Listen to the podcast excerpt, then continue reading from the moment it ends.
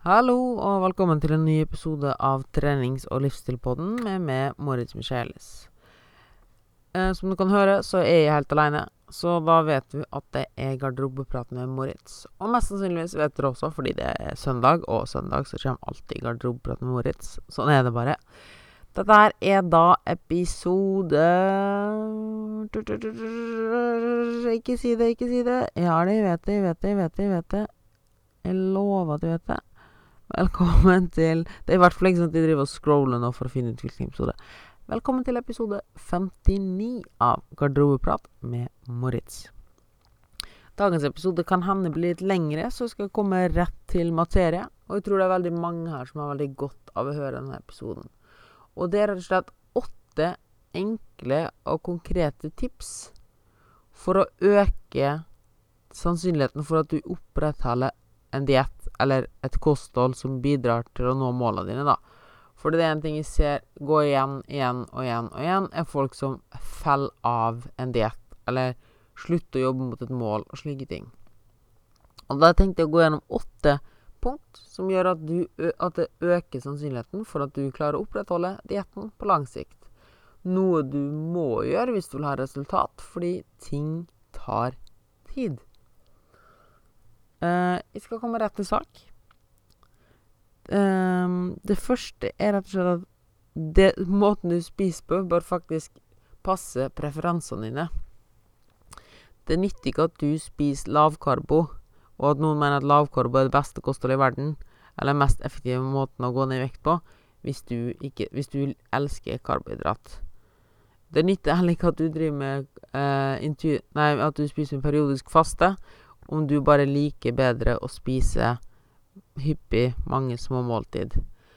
Om du elsker kjøtt, så nytter det ikke for din del å prøve å være vegetarianer fordi det liksom skal være bedre for deg. Um, så det viktigste er egentlig bare at du finner det kostholdet du liker best, og ikke tenk å lete etter den Ikke at du tvinger deg selv til å spise den sunneste og beste maten, men at du faktisk spiser den maten du liker, i både smak, konsistens, og både med tanke på hvordan du fordeler karbohydrat, fett og protein. Um, enkelt og greit så kan du tenke at så lenge du har kontroll på kaloriene dine, uh, og du har kontroll på at du får i deg nok protein, som ca. 1-2 gram per kilo kroppsvekt. Så hvis jeg veier 70 kilo, så bør de ha et sted mellom 70 til 140 gram protein per dag som går ganske greit å få i seg. Det skal ikke være noe problem. Etter det så er det egentlig helt opp til meg sjøl hvordan jeg velger å fordele kaloriene mine. Det vil ikke ha noe stor forskjell. Her er det aller viktigste at du trives. Og til og med med protein så kan du drite i det hvis ikke du liker protein. Da kjører du den veien du liker. Og det er heller ikke sånn at du må unngå å spise fastfood eller noe sånt. Hvis du liker å spise fastfood, så går det fint, det òg. Det er ikke sånn at ingen matvare Det er ikke sånn at en matvare som til å deg å gå ned i vekt så lenge du har kontroll på kaloriene. Men det er kanskje noen ting som er smartere å spise enn andre. Så point nummer én eh, Måten du spiser på, bare tilpasses det. Det er ikke du som skal tilpasse måten du spiser på. Nummer to er rett og slett at bli Altså um, Hvordan skal jeg si det på en enkel måte? Vær ærlig med å være realistisk i målsettinga di, og hva du kan forvente. Og det kan være litt vanskelig å se på, for det er så mye sånn fitnessmagasin og, og Instagram-innlegg med før- og etterbilde, og 'Kari gikk ned 30 kilo på to uker ved å gjøre denne ene tingen', og sånne ting. Det er bare piss, mye av det. Og det andre er at ikke sammenlign ditt kapittel nummer én med noen andre sitt kapittel nummer 20. Hvor noen andre er i prosessen, har ingenting å si hvor du er. Hvordan noen andre har fremgang eller oppnår ting, har ingenting med det å gjøre. Du skal ikke sammenligne det med andre. Du må analysere hverdagen din, øh, hva du har tid til, hva du har lyst til å ofre, og slike ting, og så sette mål etter det. En småbarnsmor f.eks. med tre små barn og fulltidsjobb kan ikke si at hun skal sette av to timer til trening hver dag og telle hvert og veie alt hun spiser, og alltid ha egen middag og ikke spise sammen med ungene. Eh, det er altfor urealistisk. Eller la oss si at du har en kjempehektisk jobb, og unger og sånne ting, og du sier til deg selv at 'jeg skal sove ti, ti timer per natt'. Kanskje du klarer det to-tre ganger, men etter hvert, når du har satt en så urealistisk forventning til deg sjøl, så vil du bare bli misfornøyd og brenne ut.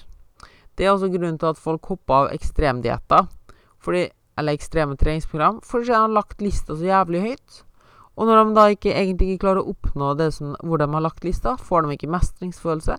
Når mestringsfølelse uteblir, så blir man lei, og man dropper ut. That's it. Det er ikke vanskeligere enn det. Det tredje punktet er noe veldig mange ofte glemmer, og det er at du setter opp miljøet ditt, eller omfeltet ditt, omgivelsene dine, for suksess. Det vil si at du gjør alt du kan for å gjøre ting lettest mulig for deg sjøl. Uh, si for eksempel til venninnen din at du nå spiser Skal jeg passe på litt med hva jeg spiser, så bare sånn at dere vet det. Uh, så veldig fint om dere ikke alltid kommer Altså, det er ikke vits å gi med en haug med hvetebakst og slike ting i gave, eller for å være snill, fordi det jobber faktisk mot målene mine. Eh, eller så sier du helt klart til foreldre, eller foreldrene dine at nå har jeg lyst til å begynne å trene mer. Kan dere passe på ungene mine en halvtime her og der, eller noe slikt. Um, så det er en veldig enkel måte å gjøre det på, at i alle miljøene dine, om det er på jobben, om det er hjemme, om det er familie, at du alltid har noen som vet om målene dine, noen av målene dine i hvert fall, sånn at du har noen å stå til rette for. Allerede det vil hjelpe veldig. Eh, andre ting rett og slett er at du gjør ting enklest mulig for deg sjøl. Hvis det er to timer til treningssenter, så tre, legg heller opp til hjemmetrening. Ja, det er kanskje mindre optimalt, men det er mye enklere å gjennomføre, og det er ikke så mindre optimalt. Hvis du alltid sliter med at, blir, at det er en dårlig lunsj i kantina på jobben, og du sliter med å bli god og mett, ja, så ta med lunsj hjemmefra. Eller så ber du dem i kantina å gjøre en bedre jobb.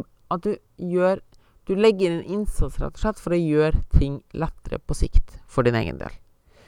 Litt av dette her enn at reparer dassen én gang i stedet for å måtte tørke gulvet hver dag. Så set, lag en innsats for å sette opp miljøet og omfeltet ditt på en enklest mulig måte, sånn at du, det er mye enklest mulig for deg å lykkes. Hvis det betyr at du f.eks. bestiller ferdigmiddag fra et eller annet selskap som trener mat, eller spiser riktig, eller noe sånt, sånn at du har en sikra middag, så gjør det. Hvis det tar altfor mye tid å programmere et treningsprogram på egen hånd, så få noen til å lage et treningsprogram til det. Eh, få en kostholdsveileder som hjelper noen å snakke med, og slike ting. Ikke, ikke tro at du må gjøre alt på egen hånd. Det at du jobber tyngre, betyr ikke at du jobber bedre. Tenk at du vil jobbe smartest mulig, ikke tyngst mulig. Det er faktisk ikke verre enn det. Og det er kanskje lettere å spise 200 kalorier mindre enn det å løpe på tredemølla i 40 minutter. Ikke sant? Det er sånne ting. Eller OK, du syns det er vanskelig å slutte å drikke brus. Hvorfor i helvete skal du slutte helt å drikke brus? Bare bytt til lettbrus. Gjør ting enklest mulig for deg sjøl. Uh, sliter med å spise ekstremt mye søtsaker og godteri og sånn når du er hjemme alene. Så stopp og kjø ladd opp hele huset med godteri og søtsaker. Fjern dem fra huset ditt, eksempel.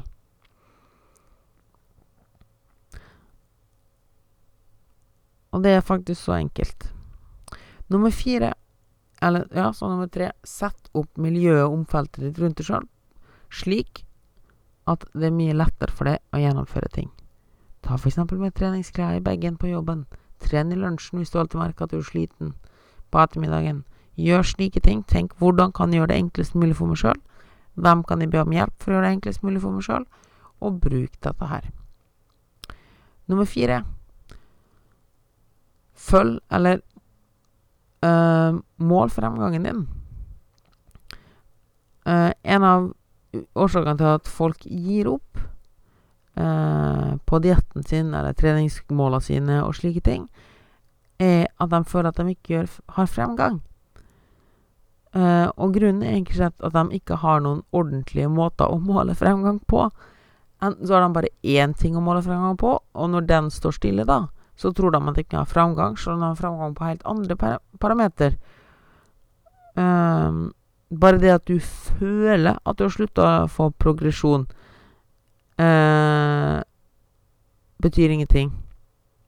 Så samle data. Vei, jeg anbefaler at du veier det sjøl hver morgen. Eh, ta månedlige, månedlige fremgangsbildet. Og ja, jeg vet at det er ukomfortabelt å ta bilde i starten, men jeg kommer til å takke det sjøl så jævlig på lang sikt.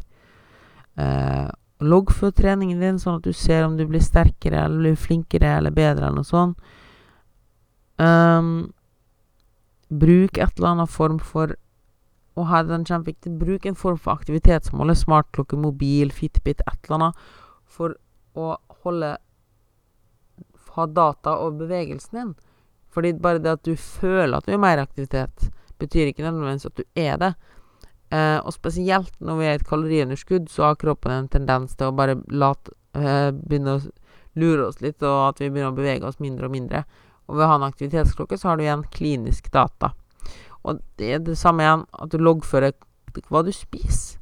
Fordi det at du sier du føler du spiser mindre, hjelper absolutt ingenting. Fordi vi mennesker er veldig flinke til å føle på ting, men det vi føler, er ikke alltid helt riktig. For eksempel så vil det Hvis du eksempel har ene varm, hånda di i varmt vann, og så tar du andre i iskaldt vann, eh, så vil det i første sekund kjennes ut som den hånda du putter i iskaldt vann, er kjempevarm. Uh, men det er jo ikke det som tilsvarer realiteten. Så ikke gjør det avhengig av subjektive følelser. Mål fremgang. Ha data hvilke datapunkt du velger å ha, om det er centimetermålinger, om det er vekt, om det er, uh, om, det, om det, er kroppsvekt, om det er hvor mye vekt du løfter, om det er kaloriinntak. Uh, ha ting å måle opp for. Min, person, min, personlige anbefaling er at du har oversikt over kaloriinntaket ditt, og minst minimum eh, oversikt over aktivitetsnivået ditt med, med klokke, altså en klokke eller mobil, for at du vet hvor mange steg du cirka har i løpet av en dag og at du veier det helst daglig, men, eller ukentlig, da, sånn at du kan se på trenden på sikt.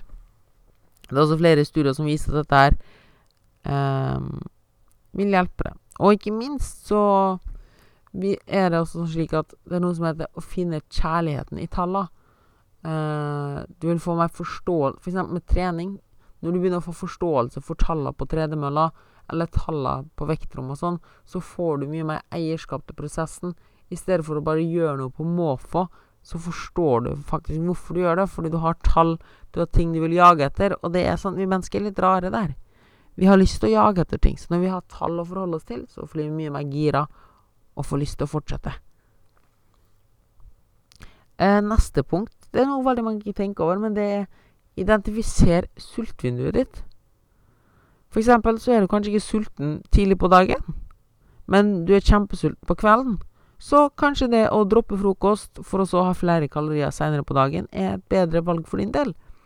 Igjen, det er ingen Litt som så første punktet, så er det ingen måte du må spise på. Det er ikke sånn at du må spise frokost for å holde forbrenninga i gang, eller at du må spise fem måltid, eller noen slike ting. Finn ut når på dagen du er sulten, og tilpass deretter jeg f.eks. er ekstremt konsentrert og opptatt fra jeg står opp til klokka to på dagen. Så da har jeg bestemt meg at det, blir ikke sulten i den perioden, så da er det ikke vits for meg å spise før det. Men i klokken to til klokken ti på kvelden så er jeg mye mer sulten og har mye mer tid til å tenke på mat. Det har vært helt idiotisk for min del å tvinge i meg mat klokka åtte om morgenen hvis de uansett vil spise meg på kvelden. Så identifiser ditt sultvindu. Gå inn i det sjøl. Reflekter litt over det. Når er de sulten? På dagen. Og tilpass deretter. Nummer seks, det er søvn. Ja, faktisk. Så det er faktisk to ting her. Én er jo ganske enkelt at desto mindre du sover, desto mer er du våken. Desto mer er du våken, desto sultnere blir du. Og det er flere timer av døgnet der du tenker over mat. Fordi det er veldig få som tenker på mat når de sover. Eh, men det som er mye, mye viktigere her, det er at du får mer appetitt når du er sulten. Og mindre viljestyrke. Du har mindre energi til å stå imot tunge ting. Um, Så, men hvordan er det egentlig at søvn påvirker sulten vår?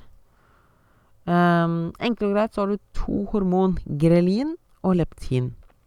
Når grelinnivåene dine er høye, blir du veldig sulten. Og på den andre siden vil det å ha høye leptinverdier gjøre at du er mett. Mett og god. Eh, og det er flere studier som viser at når du sover lite så vil, og er stressa, så vil grelinnivåene øke. Eh, samtidig som at leptinnivåene blir redusert.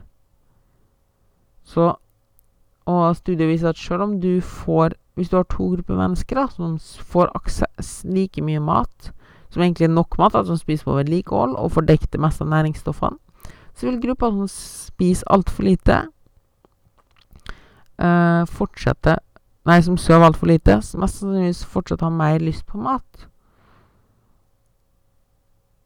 Um, mens den gruppa som sov mer enn nok, eller dem som sov nok, de var mindre stressa, og balansen mellom grelin og leptin funka bedre, så de var god og mett. Så jeg kan tenke at søvn egentlig bare forstyrrer den naturlige balansen. Um, så OK, greit. Leptin Nei, søvn gjør at vi har lyst på mer mat. Uh, men er det noe mer til det? Altså, hvorfor spiser vi faktisk mer? Kan vi ikke kontrollere dette her? Men det var også slik, det var også slik at det at viljestyrken blir redusert, gjør også at du, ekspo, uh, at du blir mer eksponert, eller det er vanskeligere å stå imot fristelser. Uh, og det er en veldig ond sirkel, da, fordi du sover dårlig, som gjør at leptinnivået Nei, at du får bli mer sulten. Uh, når du er mer sulten, så sier kroppen ifra at du har lyst på energirik mat, fordi ikke sant, du er sulten, så da har du lyst på energirik mat. For å kroppen bare tenker OK, jeg er sulten, jeg må ha energi. Gi meg det som gir meg rask energi. Det vet du jo sikkert sjøl når du har lavt blodsukker eller er sulten. Så er det jo ekstremt lett å falle for sjokoladen. Så du sover lite, har mer lyst på energirik mat. Men fuck eh, Forskjellen mellom Eller du har jo en forstyrrelse i grelin og leptin. Så når leptin, da, altså det som gjør det mett, ikke funker ordentlig, og du trykker i deg kaloririk mat, så blir du ikke like mett som du ellers hadde blitt. Så du trykker i deg enda mer kaloririk mat. Så maten metter ikke like mye. Hva skjer? Jo, du spiser enda mer. Uh,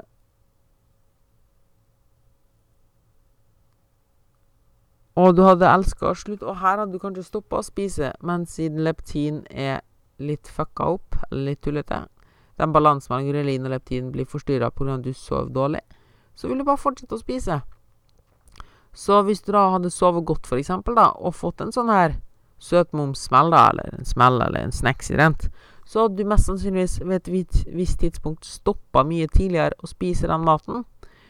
Fordi grelin og leptin hadde funka ordentlig. Altså grelinet ditt hadde gått ned, og leptin hadde gått opp. At du var mett og fornøyd. Eh, mens når du sover lite, så funker ikke det der ordentlig.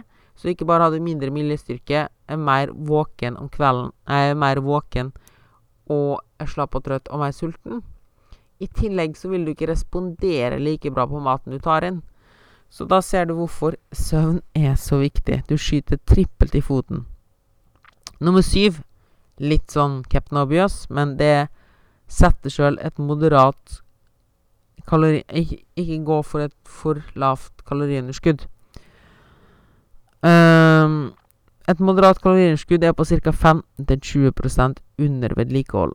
Så om vedlikeholdet ditt er på 2500 kalorier, altså så mye mat du må spise per dag for å holde vekta, bør du redusere det med 370 til 500 kalorier, ikke mer.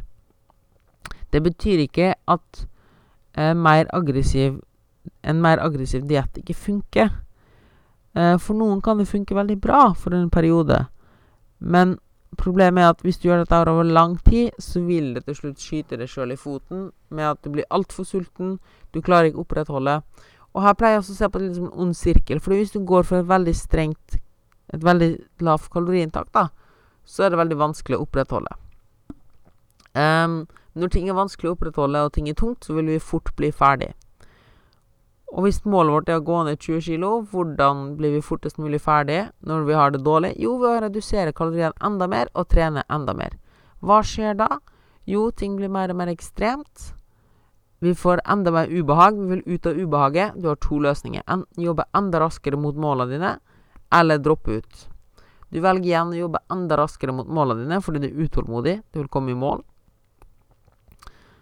Og så gjør du samme greia igjen. Og nå du, har du brukt så mye energi og vil si at du er møkk lei og drit i hele greia. Eh, og spis masse igjen og drit i alt av trening. Typisk jojo-slanker. Så ved å ha et moderat kaloriunderskudd, da, og ikke overdrive treninga, så vil du ikke ha denne, dette behovet for å skynde deg i mål, fordi du trives faktisk. Og når du trives, så er det ikke noe behov for å forandre på noe.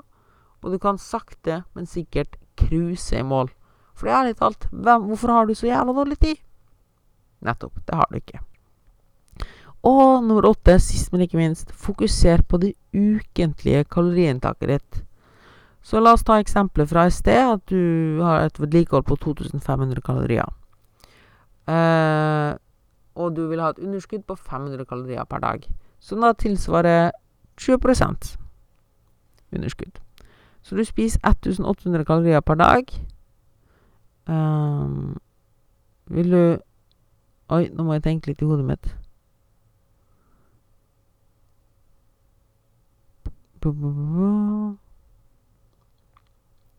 Ja, skal vi se her. Um, du, 1000, du, skal spise 1800 kalorier per dag. Uh, og du skal ha fokus Ja, OK, sorry, start fra starten. Jeg datt ut av notatene mine. Fokuser på det ukentlige kaloriinntaket istedenfor det daglige. Hvorfor? Jo, fordi hvis du skal si at du skal spise 1800 kalorier per dag for du har et underskudd på 500 kalorier per dag fordi du har et vedlik... Uh, Søren, da. Beklager. Nå tuller jeg fryktelig her. La oss si at du har et vedlikehold på 2300, og så har du et kaloriunderskudd på 500 per dag. Så vil du ha 1800 kalorier per dag. Så ganger du dette her med 7, altså 1800 kalorier ganger 7, har du et totalt, kan du totalt innta 12.600 kalorier i uka. Og fortsatt gå ned i vekt. Ok? Da vil du gå ned ca. en halv kilo i uka. Fordi du har et daglig kaloriunderskudd på 500 kalorier. 500 ganger 7 er 3500, som ca. tilsvarer et halvt kilo fettmasse i underskudd. Så når du da f.eks. er ute og spiser en dag da, og koser deg skikkelig, og la oss si du spiser 2500 kalorier den dagen, da, så spiste du et overskudd på 600 kalorier. Men du har jo et ukentlig kaloriunderskudd på 3500 kalorier. Altså hvis du ikke hadde hatt den blowouten, så har du fortsatt underskudd på 2900 kalorier. Det er jo kjempebra. Men i stedet så tenker folk da 'Å nei, ødela alt, det gikk 600 kalorier over den ene dagen'. Ja, du gikk over den ene dagen, men i løpet av uka så er du fortsatt et kaloriunderskudd. Eh, så ha fokus på de ukentlige kaloriene i stedet for de daglige kaloriene. Da er det også mye mer avslappa, og det er altså greit å ta seg en kveld ute. Eh, og du vil unngå den svart-hvitt-tenkinga. Fordi selvfølgelig, hvis du måler til 1800 kalorier, og du spiser 2500 en dag, så vil det jo føles ut som du gikk på en ordentlig smell, og du la på det de ekstra kaloriene. Men du har jo ikke gjort det. Du har bare redusert det ukentlige eh, underskuddet. Fordi hvis du hadde spist, da um, på, på vedlikehold skal jeg ta fram kalkulatoren her. Ditt daglige kaloribehov er på 2300 kalorier. Ganger du det med 7, så er du oppe i 16.100 kalorier. Så mye kalorier kan du spise i uka og holde vekta. Nå ønsker du å gå ned i vekt og ha 500 kalorier underskudd per dag, så du spiser 1800 kalorier per dag. Det gir et ukentlig underskudd Nei, det Ja, det gir et ukentlig underskudd på 3500 kalorier. som er et halvt kilo med fettmasse. Um, så det er egentlig bare ditt kaloribehov min Altså ditt kaloribehov, hvor mye du skulle spist per dag ganger syv, minus hvor mye du spiser per dag ganger syv, det vil gi deg ditt ukentlige underskudd. Så i dette tilfellet her så er det Så er det 16.100 minus 12.600. Som gir oss 3500 i minus. Eller som står igjen, da. Og det er jo da forskjellen mellom vedlikehold og det du spiser. Så det er da et underskudd som den, den, resterende energien må kroppen din hente fra egne lager, fra fettmassen sin. Når den henter dette fra fettmassen sin, så går du ned i vekt. Når du nå en dag er ute på byen og spiser, la oss si 2500, altså du spiser 500 mer enn det som er planlagt, så blir det da istedenfor 16.100 minus 12.600 blir det 16.100 minus Ja, tar du det? 13 000 eh, Oi 13.200 For du spiser 600 kalorier for mye. Bam. Så er det fortsatt underskudd, som sagt, på 2900 kalorier, som er litt mindre enn halv kilo. Men du har fortsatt fremgang. Så derfor ha, se på ukentlige kalorier. Jeg vet det er vanskelig å holde på med tall og sånn på en podkast, og jeg skal slutte med det når jeg merker at det ikke endte godt. Enkelt og greit, ha fokus på ukentlige kalorier versus daglige kalorier. Uh, altså ditt ukentlige kaloribehov for ditt daglige kaloribehov, for da kan du være mye mer fleksibel. Og da kan du altså justere litt hvis du fortsatt vil gå ned 3000 ha et underskudd på 3500 kalorier i uka, til tross for at du skal ut og kose deg på byen fredag, så kan du justere for dette her i dagene i forveien og dagene i etterkant. Hel jeg anbefaler helst at du gjør det i forveien, på samme måte som at du helst vil spare penger og så betale noe, i stedet for å jobbe mot gjeld. Um, så det var egentlig det. Det vil hjelpe deg å unngå svart-hvitt-tenking. Så nå tenkte jeg fort å gå gjennom alle punktene, så holder vi oss under en halvtime her. Eh, det er kaldt og Nei, det blir ekkelt å sitte i dusjen lenger enn en halvtime, skulle jeg si. Nei, garderoben. Så eh, Dietten din bør passe dine preferanser. Altså kostholdet ditt bør være tilpassa det. Du bør ikke tilpasse det kostholdet ditt. To. Sett realistiske mål. Tre. Sett miljøet og omfeltet ditt opp for at du skal lykkes. Altså gjør ting enklest mulig for deg sjøl. Fire. Loggfør fremgang. Ha data, mest mulig data. Vei det sjøl, ta målinger, ta månedlige bilder. Uh, ha en treningslogg, ha en aktivitetsklokke, etc. Fem. Identifiser når du er sulten, og hvilket sultvindu du har. Det er ikke vits å spise bare for å spise. Nummer seks. Sov nok. Jeg tror ikke mer enn nok i dybden på hvorfor du bør gjøre det. Fordi du rett og slett blir mer sulten og har mindre viljestyrke og er mer våken. Det vil si mer tid å tenke på mat. Nummer syv ha et moderat kaloriunderskudd. Og nummer åtte ha fokus på ukentlige kalorier versus daglige. Det var det jeg hadde å si for i dag. Eh, har du spørsmål eller ønsk, har tilbakemeldinger eller har temaforslag, så send en mail på moritz.ptserus.no. Og hvis det var mye å sette seg inn i, og du vil ha mer forståelse for kosthold, eller hvis du kjenner noen som trenger hjelp med kosthold eller trening, så send meg en mail på samme mailen, moritz.ptservice.no, og så kan vi se om vi kan få til en uforpliktende første samtale. Um, det er både i Stavanger, det er online, det er engelsk, det er tysk, det er norsk. Og sist, men ikke minst, sjekk gjerne ut Instagramen min, minimorimi. Det var det jeg hadde å si for i dag. Jeg blir veldig glad om du deler denne episoden i storyen din og tagger med. Og med det så sier jeg gå og ha en awesome uke. Ha det bra.